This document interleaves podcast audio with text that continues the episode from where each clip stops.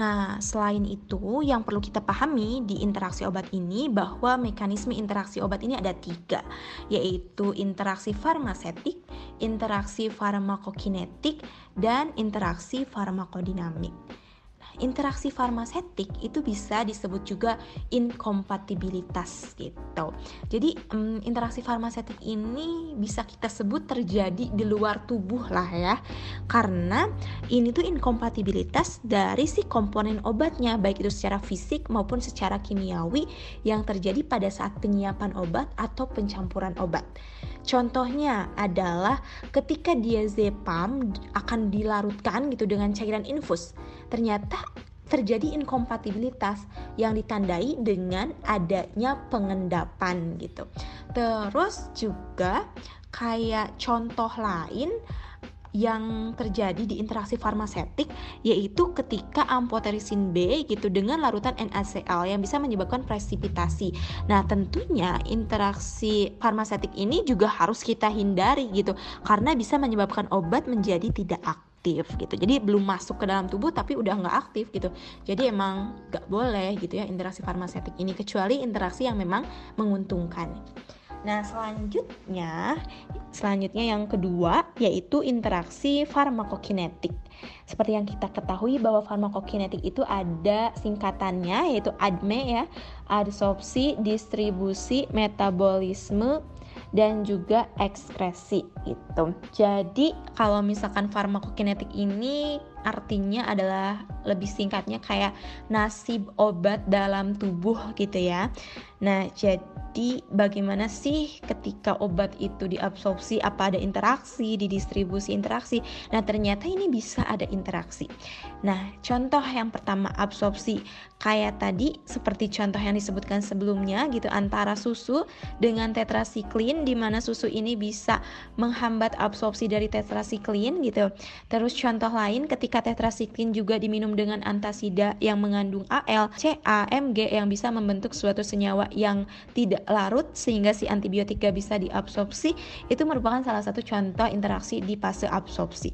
Kalau contoh interaksi di fase distribusi ini lebih ke mengganggu ikatan gitu ya, ikatan di mana kan kalau obat gitu ya banyak berefek gitu ya, pasti obat yang tanpa tanpa ikatan gitu ya obat yang bebas gitu ya intinya. Nah, contohnya adalah kayak antibiotik sulfonamid ini yang dapat menggeser metotreksat, penitoin, sulfonylurea, warfarin dari ikatannya dengan albumin gitu.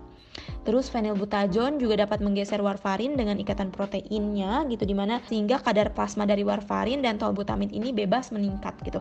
Jadi kadar si bebas, kadar plasma bebasnya meningkat. Terus di fase metabolisme ini kayak tadi contohnya yaitu fluconazole sama simvastatin.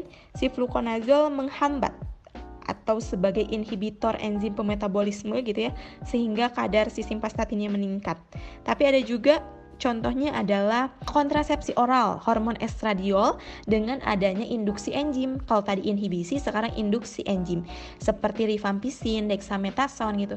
Yang mana ketika induksi artinya menyebabkan metabolismenya ini dipercepat gitu ya. Apa yang terjadi pasti si obat utamanya yaitu kontrasepsi kontrasepsi oral bakal menurun karena banyak di metabolisme gitu sehingga efikasi kontrasepsi oral bakal menurun yang mana menyebabkan bisa terjadinya kehamilan yang tidak diinginkan.